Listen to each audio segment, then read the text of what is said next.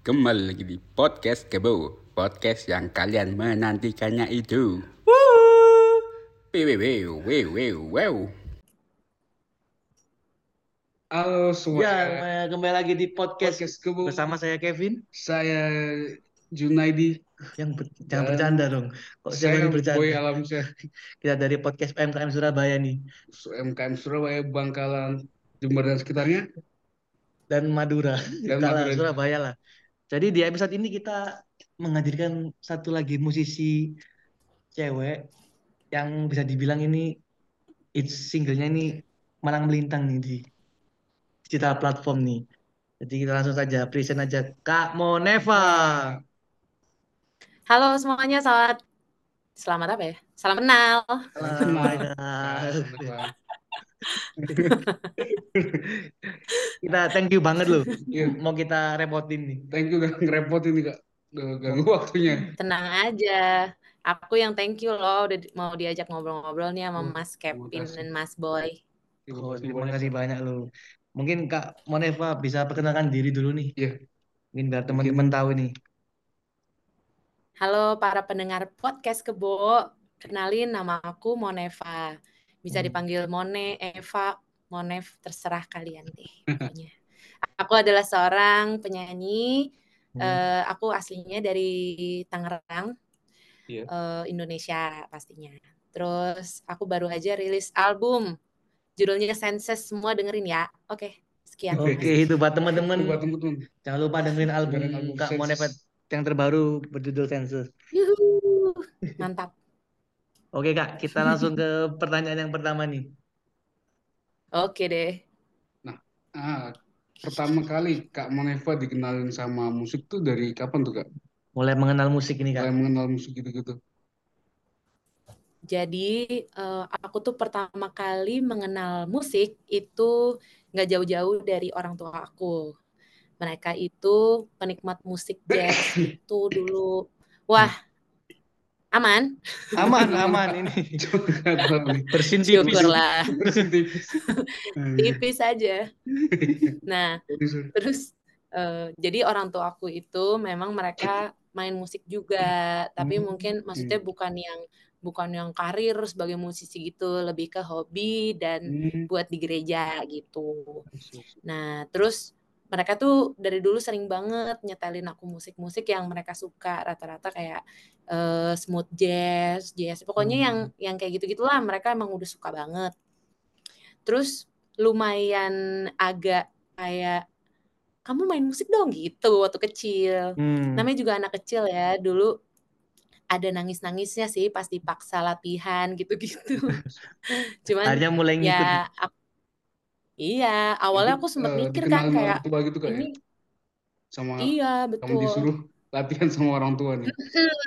Betul, kan namanya juga eh, typical Asian kid gitu ya. Pasti kan disuruh Asian ngeles alat musik. Jadi kayak disuruh pilih, kamu mau alat musik apa? Kakak kamu udah piano, kamu yang lain ya gitu. Waduh, disuruh mikir kan dulu waktu aku masih kecil.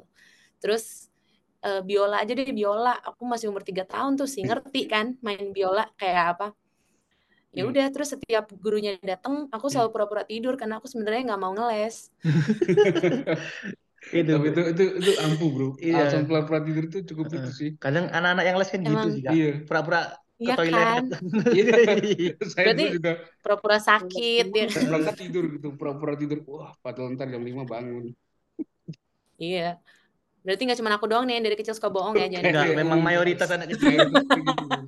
Nggak males matematika. Iya. Terus dari situ orang tua aku kayak, oke kamu berarti nggak suka nih ya main biola. Terus aku jawab sambil nangis gitu, nggak suka. Terus kayak, ya udah maunya apa?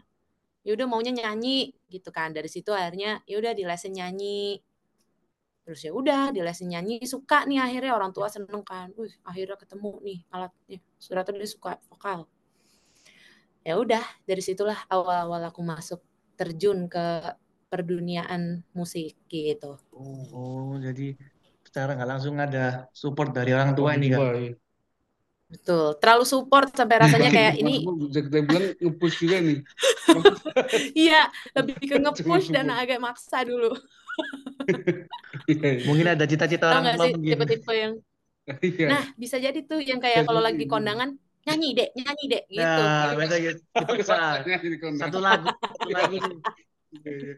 Permintaan Iya. keluarga ini. Satu lagu dek. Betul. Padahal mah permintaan nyokap gue aja. Iya, tentang keluarga. Udah gitu kadang yang, yang paling ngeselin kan keluarga ini kan Ambon kan. Hmm. Mau nggak mau kita harus nyanyi lagu Ambon gitu. Gimana beta sing tahu bahasanya. Bu. Kita nggak tahu bahasa Ambon tiba-tiba.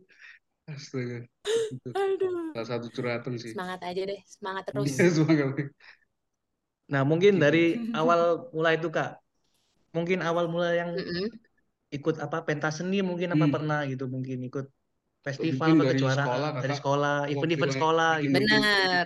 Hmm. Iya, Ah, oke. iya terus pas sudah sekolah tuh zaman SD mulai kan Hmm. eh, memang pada dasarnya sebenarnya jiwa-jiwa aku jiwa-jiwa ambisius ya. Hmm. Udah tahu, wah udah nyanyi, udah ngeles nih, masa nggak lomba gitu kan? Nah, Terus ya udah, ada tuh. Jadi pertama kali banget seumur hidup tuh ikut lomba nyanyi itu waktu aku kelas 3 SD. hmm. Terus ada tuh lomba nyanyi lagu Natal antar kelas gitu Hmm. kan. Ditunjuk lah sama wali kelasnya. Monica ikut ya gitu. Terus kayak, oh iya bu. Wah gitu kan. Awalnya sih kayak, Hmm. "Eh, emang yang lain nggak mau bu?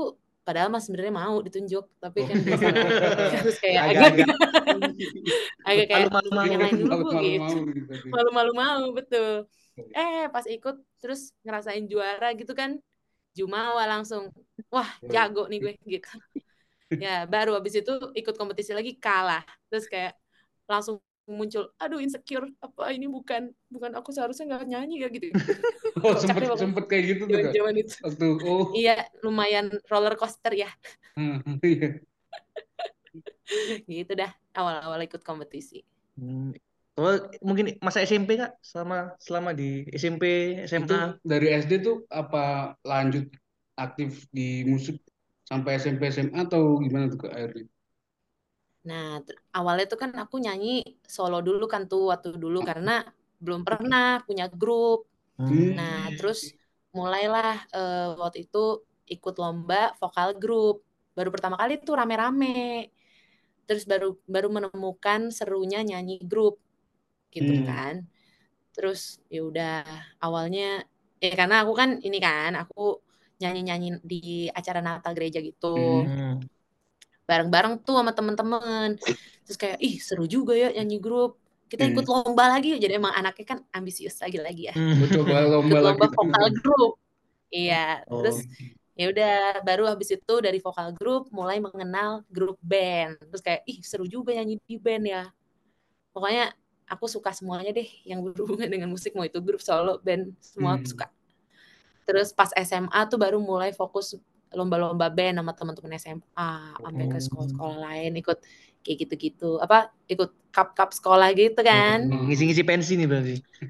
ngisi-ngisi pensi dan itu nambah-nambah alasan juga buat aku eh, kabur dari kelas aja. Oh, oke alasan apa? Latihan ya, latihan persiapan. Iya, Bu, saya mau latihan band. Oh iya iya silakan silakan. Padahal Hmm, mah bener. nggak tahu tuh ke mana kan kenyataannya. Iya. Balik lagi kita cuman eh, siswi biasa ya yang juga suka kabur-kabur. Iya, Masih ingat gak nama bandnya tuh apa? Kalau boleh iya tahu. band yang awal Awal apa bentuk nih? Namanya Mash and Co. Nggak jelas Itu, berapa anggota itu kak? iya. Anggotanya jadi vokalnya dua, terus Oh. sisanya eh, ensemble band normal. Jadi ada keys, gitar, Hmm, bass, sama drum gitu ya. drum. Jadi berenam, berenam. Aku dulu sambil nyanyi sambil main saxophone juga waktu ngeband. Oh, Waduh keren loh. keren. Gak biola lagi nih. Enggak, aku udah trauma karena kan versinya dipaksa sama orang tua. Hmm. Iya, aku langsung inget kayak, aduh ntar harus pura-pura tidur lagi kalau main biola. Nah kalau yang saxophone ini belajar sendiri atau pernah ikut Atau les emang iya kursus juga nih kak? Nah kursus mungkin. Kursus juga karena eh, awalnya tuh kalian pasti tahu deh alat musik recorder itu loh yang dulu sering latihan di sekolahan. Oh, Pasti kan kayak kalau nggak main ya? pianika Oh, main. iya, Iya. Iya, pianika, main suling ada pianika kan. gitu. Sama-sama, Eh, iya. Iya. Tamborin. Nah, terus betul. Dari situ aku ngerasa suka nih sama alat musik ini, kayak ih seru juga ya gitu. Hmm. Terus ibuku ngeliat kan, eh orang tua aku sih basically dua-duanya kayak, eh ini anak kayaknya suka alat tiup. Lagi-lagi kan. Iya. nice try aja coba yuk dia suruh main saxophone aku masih kelas 6 SD kayaknya Oh, gitu. emang orang tua aku ambisius juga kayaknya Aha. Terus udah tuh akhirnya aku dikasih hadiah lah. Nih ada hadiah saxophone. Terus aku kayak ini apa gitu kan. Nggak ngerti. Terus Hmm. "Iya, ini alat musik tiup, ini versi gedenya, suling kamu tuh gitu kan. Terus kayak seru kayaknya. Versi memang. nih. Iya. Versi kalau yang itu kan dari plastik, ini dari besi nih Iya. gitu. Terus habis itu ya udah coba deh belajar sendiri. Nggak bunyi tuh saxophone sebulan. Nggak ngerti caranya. Dulu Cuma kan belum belum zaman tuh ya streaming streaming nonton belajar sendiri gitu kan belum Tahun zaman berapa ya. juga anjir Nggak itu? tahu. 2009. Oh, iya, Iya, belum memang awal- belum sih. awal belum se- Awal-awal sekarang. kebangkitan itu sih, digital. Mm-mm, baru-baru banget itu. Iya, Terus ya udah akhirnya panggil guru ke rumah les privat. Dari situlah mulai perkembangan main saxophone kayak seru gitu kan. Seru-seru sampai dipaksa latihan nangis-nangis nggak nggak mau lagi main. Tapi sekarang balik lagi biasa. Iya. anaknya emang gak suka dipaksa aja sih kayaknya. Oke, oke, oke. Tapi lama-lama mau sih. Lama-lama mau. Lama-lama mau. Ya kayak dari dulu tuh aku kayak kenapa sih mesti dipaksa? Tapi setelah aku gede baru kayak ya kalau nggak dipaksa nggak akan ada progres sih emang Iya, iya, ini tapi itu ada benar harus dipush gitu. Iya, iya. iya. Mm-mm. Makanya aku sih bersyukur sekarang dipaksa dulu ya. Kalau enggak sih kayaknya nggak nggak ngapa-ngapain deh. Kayaknya jadi anak mager aja. Iya, itu berarti. Iya, iya. Benar tuh. Itu ceritanya guys. Nah, selama kakak bermusik nih, mungkin punya sosok inspirasi nggak sih? Yang iya me- menginfluence Yang musik yang kakak idolakan nih. Iya. Hmm, masuk maksudnya untuk eh, maksudnya secara musiknya atau kayak performnya. Ya, Secara musiknya nih, Iya. Apa nih? Kalau eh, sebenarnya kalau sekarang banget udah terlalu banyak ya yang Hmm. aku dengar karena kan sekarang zamannya kita ya udah denger yang kita lagi pengen denger aja bukan yang kalau dulu kan kita mesti beli CD gitu kan Ya, ke Kalau sekarang kan, iya. Iya, iya, iya kalau sekarang sih aku banyak banget tapi yang eh, aku suka banget musik-musiknya itu ya eh, ada Alicia Keys ada Hmm. Mariah Carey gitu. Terus ya banyak deh dengan musisi-musisi R&B tahun 2000 yang lain aku juga suka banget itu udah mereka sangat menginspirasi aku untuk eh, nulisnya nulis dan nyanyi tapi kalau performer aku tuh Hmm. suka banget Bruno Mars Hmm, dan Beyonce gitu. keren. Karena aku tuh suka nyanyi sambil nari kan. Nah, mereka kan Oh. kayak gitu juga. Iya, Jadi aku sangat terinspirasi. Hmm. Kayak aku tuh kadang bingung kalau nonton mereka perform tuh kok kayak nggak capek-capek gitu. Ini lebih energi gitu kalau Bruno Mars gitu. Iya. Itu loh. Gitu. Kok bisa gitu ya? Aku Iya, juga nggak paham. tahu. Mungkin dia ngopi seliter sebelum perform kan kita nggak tahu juga tuh. Kafein ya? Ini- atau enggak dia kena sugar rush tuh kak. Akhirnya kita Bisa jadi. laut tadi tadi. Kalau lokal kak, Kopi mungkin susunya gula aren tuh berarti. gula aren. Kok bisa sugar aren ya? Banyakan gulanya tapi. Kayaknya sih. Itu kan di posisi luar kak, posisi Kalau dalam negeri mungkin. dalam negeri, kalau yang secara musik aku suka banget tuh dulu aku suka Dewi Sandra. Hmm, Dewi Terus Sandra. aku suka Cinta Laura. Entah Laura. Terus iya karena dia sambil nari juga. Iya sih. Terus sama. dia body goals banget. Aku suka banget. Terus banyak sih yang lain-lain juga. Terus oh sama kalau lagu tuh aku suka lagu dan suara aku suka banget eh Teh Reza Artamevia. Iya itu Oh, bah, keren tuh. hampir rata-rata. Hampir rata-rata orang suka sih. Nggak mesti rata-rata lagu itu. Powerful. Itu. Iya. Sampai sekarang dia tetap luar biasa Betul, padahal iya, kan ya betul. dia udah dari dulu kan. Iya padahal era, era papa saya tuh kayaknya. Waduh, emang Iya, membanggakan. Soalnya waktu itu aku terakhir nonton dia tuh tahun lalu di Hmm. festival gitu. Dan masih bagus banget. Itu harapan aku sih semoga bisa nyanyi dan bisa sehat terus sampai sampai nanti kalau udah generasi-generasi berikutnya bisa Hmm. tetap menikmati musik aku Amin. deh. Amin, amin ya. Amin. Nah, terus untuk Kak Moneva sendiri kayak memutuskan untuk eh, bermusik secara profesional tuh sejak dari kapan tuh Kak? aku tuh mulai professionally music tuh pas jadi pas SMA setelah aku Hmm. ikut lomba-lomba itu aku sempat juga ikut acara TV gitu tapi Hmm. acara TV-nya girl band girl band gitu guys Hmm. Acara apa ini Terus- Kak, namanya?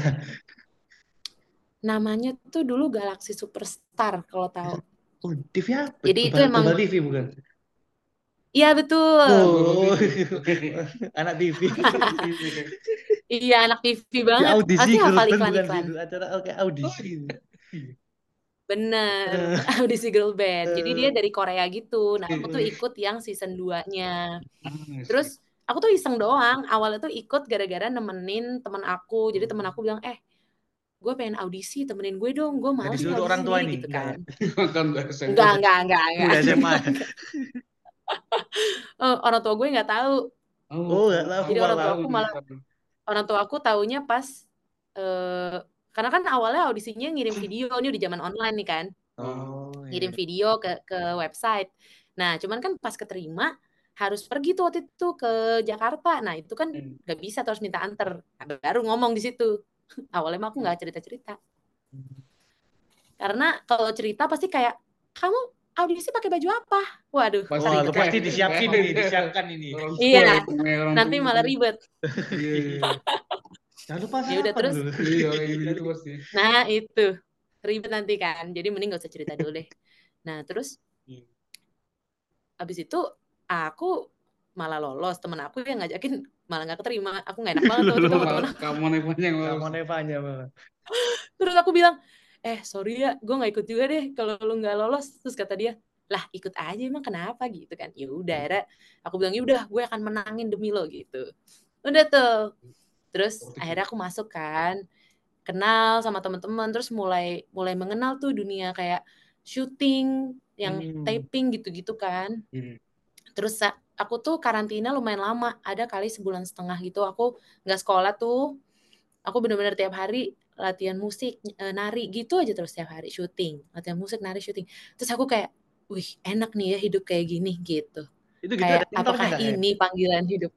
Kenapa? Ada tentornya nggak sih kalau acara Itu acara gitu? muter-muterin. Ini mentor-mentor gitu. Ada.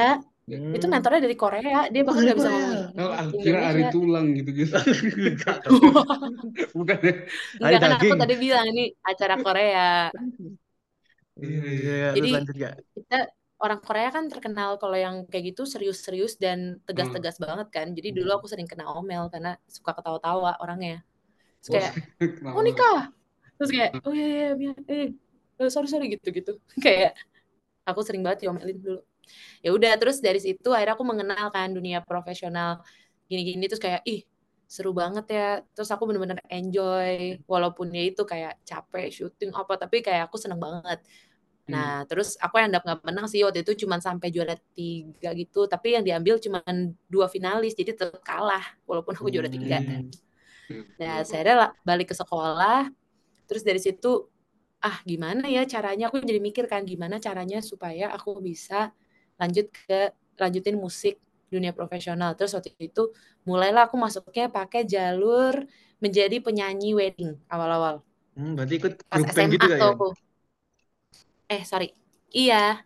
Jadi kayak masuk ke band orang, terus aku mulai nyanyi-nyanyi dari wedding ke Hmm. wedding, main saxophone di situ. Terus ya dari situ mulai kenal banyak orang kan. Ya rata-rata sih udah jauh lebih tua dari aku ya, karena dulu aku masih SMA kan. Kan nggak mungkin anak SMP udah kerja gitu. Dulu kan Iya. jarang ya.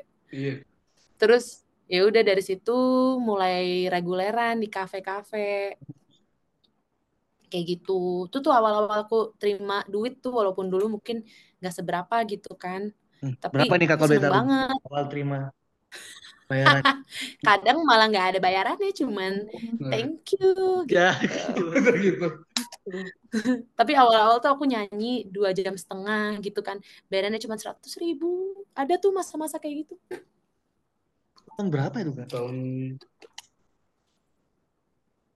Tahun 2000 2000 berapa ya? Terlalu aku tuh eh, SMA 2012. Jadi sekitar tahun-tahun itu 2013, 2014. oke. Terus Nah, naik lama-lama tiga tiga ratus ribu lumayan kan gitu. Padahal Hmm, nyanyi bener. capek. Ya udahlah, namanya juga progres gitu. Iya, Nikmati proses. betul. Betul. Tuh aku inget banget tuh dulu zaman SMA, hari Minggu aku nyanyi, besokannya UN, tapi aku malah ngamen. Persiapan UN-nya gimana lulus ya? Iya. Persiapannya gimana? Gimana? Papa mama Ya nggak udahlah, marah ini? pasrah. Enggak. Bapak ibuku kan support, jadi Oh, mereka nonton support. juga di situ pas aku manggung. malah supportnya ke jalur Iya. musik tadi nih kak. Iya. Tapi Ya memang itu sih sesuatu yang aku syukuri, maksudnya mereka, Hmm. maksudnya banyak juga teman-temanku yang aku kenal sekarang, di mana orang tuanya justru kebalikannya mereka nggak support sama sekali support ya. gitu. Hmm, Tapi aku ya untungnya orang tua aku setuju lah arah karirku aku mau ke mana. Mereka tuh dari dulu lumayan kasih aku pilih gitu, lumayan bebasin lah. Hihihi. Nah, setelah Ya udah dari deh, kafe-kafe itu kak, terus gimana? Hmm. Lanjut. Akhirnya gimana tuh kak? Setelah Nah. kafe. Lanjut nih ya kan, aku Iya. reguleran. Itu berjalan dari aku SMA sampai aku kuliah. Aku by the way ambilnya kuliahnya akhirnya musik karena aku ngerasa Oh, "Ah, aku pengen aku pengennya benar-benar fokus di sini gitu. di mana nih kak kuliahnya? Sem- kuliahnya di Tangerang juga di UPH musik. Oh, oh ada jurusan musik ya UPH? Tahu. Ada. Nah, itu aku juga aku juga baru tahu karena kan ya banyak nih jurusan musik di Jakarta. Hmm. UNJ, IKJ apa kan? ada KJ, Institut Musik Daya, terus Iya. apalagi yang aku tahu ya. Pok- Oh, pokoknya akhirnya aku memutuskan akhirnya aku mem- memutuskan untuk masuk UPH karena Hmm. di Tangerang. Udah sesimpel itu. Karena orang tua aku oh sama di ini di Jogja isi. Oh iya isi Oh isi. iya, Hmm. isi. Terus orang tua aku tuh mungkin kayak aduh anak cewek gitu kan. Anak Oh, luar kan, kota jauh-jauh ya. masa jauh-jauh gitu ya udah akhirnya ya udah deh masuk UPH gitu nah kebetulan beberapa teman bermusik aku yang aku tadi ketemu di wedding wedding dan reguleran itu Hmm.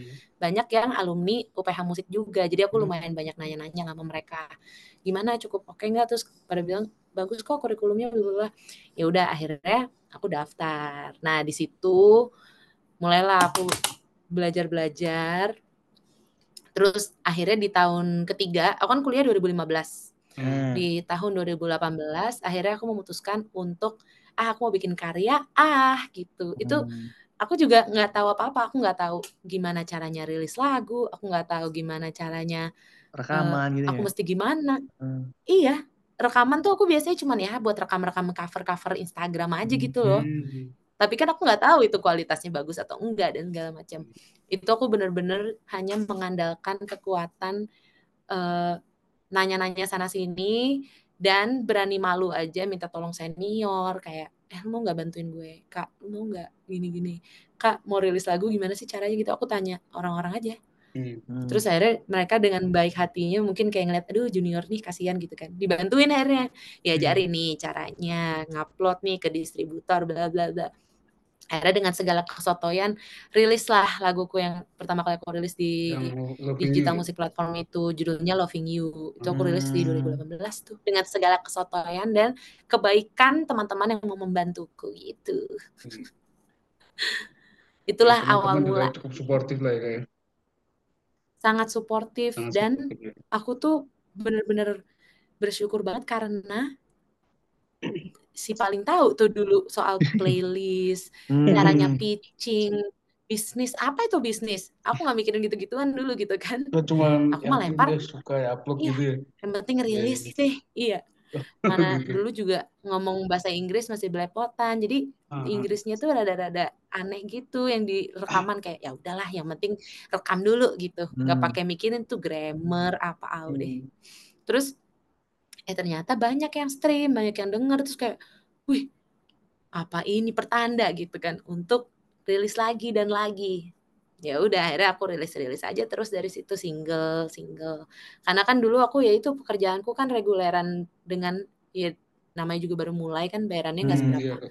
aku tabung aku tabung buat produksi itu karena kan ya awal-awal dibantuin cuman masa aku mengandalkan rasa kasihan nih seniorku mulu gitu kan gak enak ya gitu. jadi ya Iya. lama-lama bagaimanapun aku harus menghargai mereka akhirnya kayak ya gue coba deh menghargai jasa lu tapi gue cuma punya segini lu mau nggak bantuin gue ya terus mereka ya balik lagi kan ya udah nggak apa-apa gue bantu gitu gitu jadi aku benar-benar terima kasih banget sih sama orang-orang yang udah bantuin awal-awal karirku kalian tahu lah kalian siapa kalau kalian denger podcast Hmm, ini pasti. Thank you banget lah. Karena aku nggak ada mereka nggak akan ada karya-karyaku tuh. Hmm.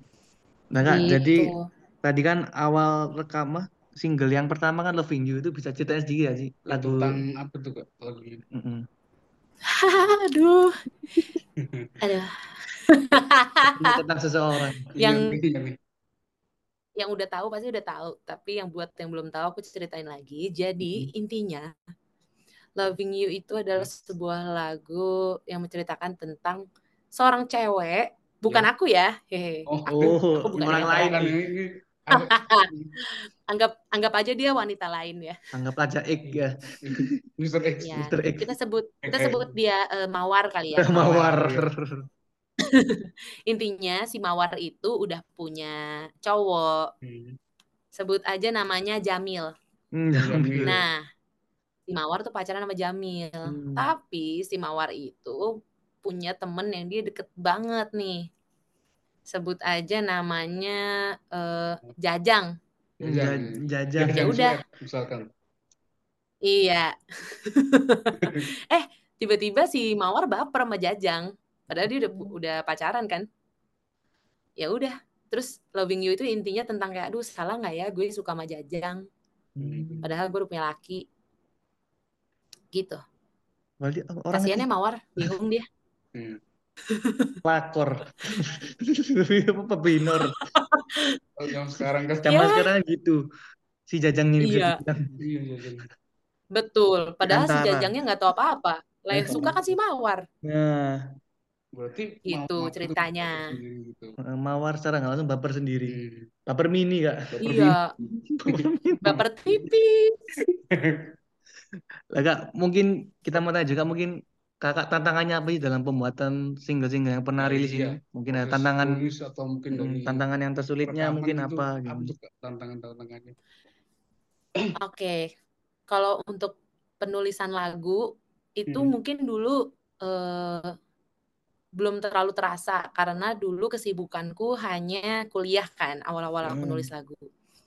Eh, baru mulai berasa sulit itu pas aku bikin EP dan bikin album. Jadi mulai di Hmm. tahun 2021 itu kan aku pas lagi pandemi tuh Hmm. aku rilis EP isinya lima lagu tuh nah itu masih gampang tuh karena pandemi kita nggak ngapa-ngapain kan di rumah aja Hmm. bengong gitu bikin lagu walaupun banyak tapi karena kita punya banyak waktu jadi aman nah baru berasa nih kesulitan yang sesungguhnya adalah di saat udah kembali seperti normal dan aku harus menulis lagu yang ada 10 biji itu berat banget. Jadi yang sulit adalah gimana kita harus terus kreatif di saat kita tahu waktunya nggak- nggak banyak. Kayak aku waktu itu udah tentuin aku mau bikin album satu tahun waktunya aku tentuin. Hmm. Dan Gila, waktu betul setahun gitu. harus tetap kreatif, Hmm. ngegali otak terus. Dan kadang kan kalau kita udah capek, rasanya pengen kayak nyerah. Nah itu yang Udah sulit tuh. mentok gitu kan Untuk kita juga bingung juga nulis. Iya,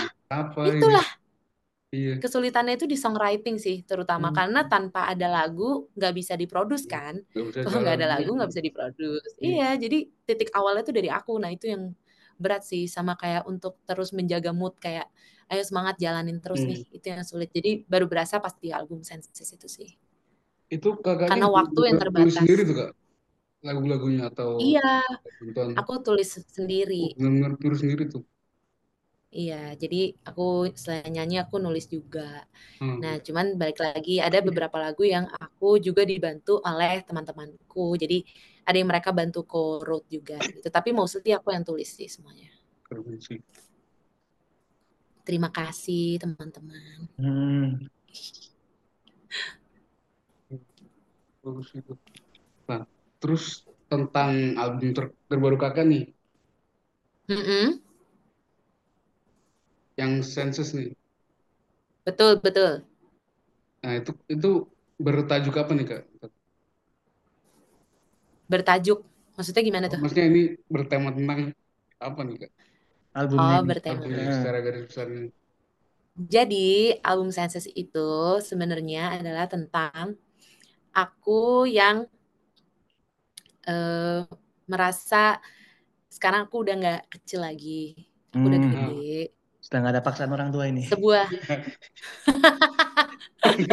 Enggak, karena aku mandiri udah ya. aku udah iya udah mandiri menunjukkan tentang keseriusan aku dan eh, keserius eh, apa namanya keseriusan aku di musik yang benar-benar kayak aku mau rilis album jadi benar-benar aku nunjukin segala yang aku semua kepun apa sih ngomongnya semua kebisaan aku kayak makanya aku bikin lagunya juga nggak cuman kayak satu genre kayak aku bikin macem-macem terus dari secara kesulitan vokal juga aku bikin ada yang susah ada yang ada yang chill ada yang ngebeat terus Gitu.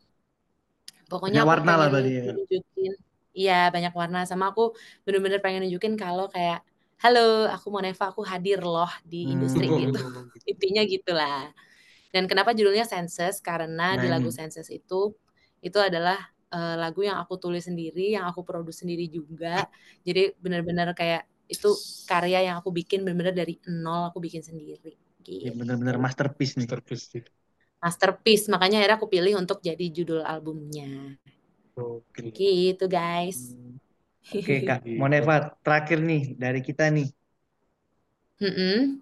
Mungkin next dari Kak Moneva ada project apa nih ke depannya? Yang Mungkin ya, ada setelah album Senses ini Hmm, bakal ada mungkin apa ada lagi nih kak? Single single atau terbaru, album apa? terbaru, atau mungkin ada konser terdekat. Iya mungkin. mungkin. Jadi eh, sekarang tuh aku lagi, aku nggak tahu ini akan tayangnya kapan, tapi sekarang aku lagi mempersiapkan eh, showcase aku yang akan hadir November Hmm. mendatang, November akhir. Iya. Nah, eh, showcase ini aku bakal bawain semua lagu yang ada di album, plus lagu-lagu hits dari Moneva yang lainnya yang datang dari eh, mini album atau single-single yang udah rilis sebelumnya. Dan eh, aku lagi bikin macam-macam juga, lagi mempersiapkan merchandise juga. Uh, Dan kalau misalnya Ada, semua ada merchandise apa nih Kak? Kaos atau Kaos TV? Iya bakal bakal ada macam-macam pokoknya nanti eh, dilihat aja di sosial media aku. Bakal ada kaos juga dan bakal ada yang ada muka aku juga jadi beli Waduh, dan pakai. Wah, ditunggu ini. Sangat ditunggu nih. Depan belakang Iya, nih Kak dan kalau- Kan muka aku lumayan lah ya buat kaos masih oke lah, masih masih estetik lah ya. Oke lah. Makasih loh pujiannya. Dan kalau misalnya semua lancar, semoga aku bisa bawa showcase ini ke kota-kota lain juga selain Jakarta gitu. Amin deh Kak. Amin. Sukses. Semoga lancar sih Kak Ya, rencana-rencana. semoga berjalan dengan lah, sesuai rencana lah. Kak. Nggak ada Amin. hambatan. Jadi Ya, semoga ya guys. lagi Pokoknya kan. Iya. Kalau misalnya nanti aku main-main ke sana, kalian harus datang ya, harus nonton. Pasti Oke, itu, pasti. Jadi datang. buat teman-teman mungkin yang dengerin Voice Kebo, tungguin aja. Tungguin aja updatean dari kamu Nevo dia bakal ngeluarin merch Mungkin Tunggu juga aku datang ke kota Tunggu kalian ke kota-kota kita Madura, Surabaya, sekitar dan sekitarnya, betul. dan sekitarnya ya. Oke Kak, Moneva, terima kasih banyak loh ini. Thank you kak udah datang di podcast Terima kita kasih. ini. Sorry banget kita recokin Aku yang nih. makasih banget recokin, sorry banget nih. di, ajak Semoga ngobrol-ngobrol. mm, semoga sukses Mm-mm. Lancar terus, sukses lancar. terus semua project-nya. proyek-proyeknya berjalan dengan baik dan Betul, bisa Betul. sesuai rencana lah. Betul. Sukses terus juga. Amin, amin. Amin. Jangan lupa dengerin ya album aku kalau misalnya kalian suka musik kalian. R&B Ya ini buat pendengar Voice musik nanti. musik lokal, jangan lupa buat Dengerin ya. dengerin Senses di semua platform. Hmm, Oke keren, itu guys. Ada yang collab sama Adrian Khalif juga kan kak. Oke, collab thank gitu. you semuanya. Thank you banget kak. Kak, Betul. sebelum kita Iya, bener. sebelum kita akhiri mungkin boleh on cam sebentar nggak buat kita story di IG ini. Iya. Boleh? Siap. Bentar ya. Boleh. Tunggu bentar. Oke. Eh, eh, mana buka aku? Oke. Kak. Saya mau nyiin foto kak ya. Satu, Oke. satu, dua, tiga. Oke, Kak deh Kak you Terima banget. kasih, thank you banget loh. Udah nyempetin hadir kak. Thank you. Sukses sehat selalu. Akhirnya ada mukanya nih. Sama-sama baru on Kita cam. baru on cam juga. nih. Ini yang mana yang boy, yang mana yang Kevin nih? Saya boy kak. Aku yang Kevin nggak? Iya. yang agak buruk. Oh, halo, halo. Mengikuti boy. Oke deh, ini Kak. ada lagi. Oke deh, thank you ya. Thank you ya. Thank you banget kak. Kak Tisha, thank you juga. juga terima kasih banyak udah nyempetin mampir. Oh, di sebelahnya. Sama. Siap siap. Siap, oke. Sukses terus. Nanti kita selalu, Kak. tayang besok kok Kak, jam 7 malam Besok jam kita 7 malam mention kita di story IG kita. Iya. Dadah. Dah, Dadah, Kak. oke. Yang juga. Oke, nanti aku repost ya. Oke, siap. Thank you Thank you banget. Iya banget. semuanya. Siap. Selamat malam. Malam. Selamat malam,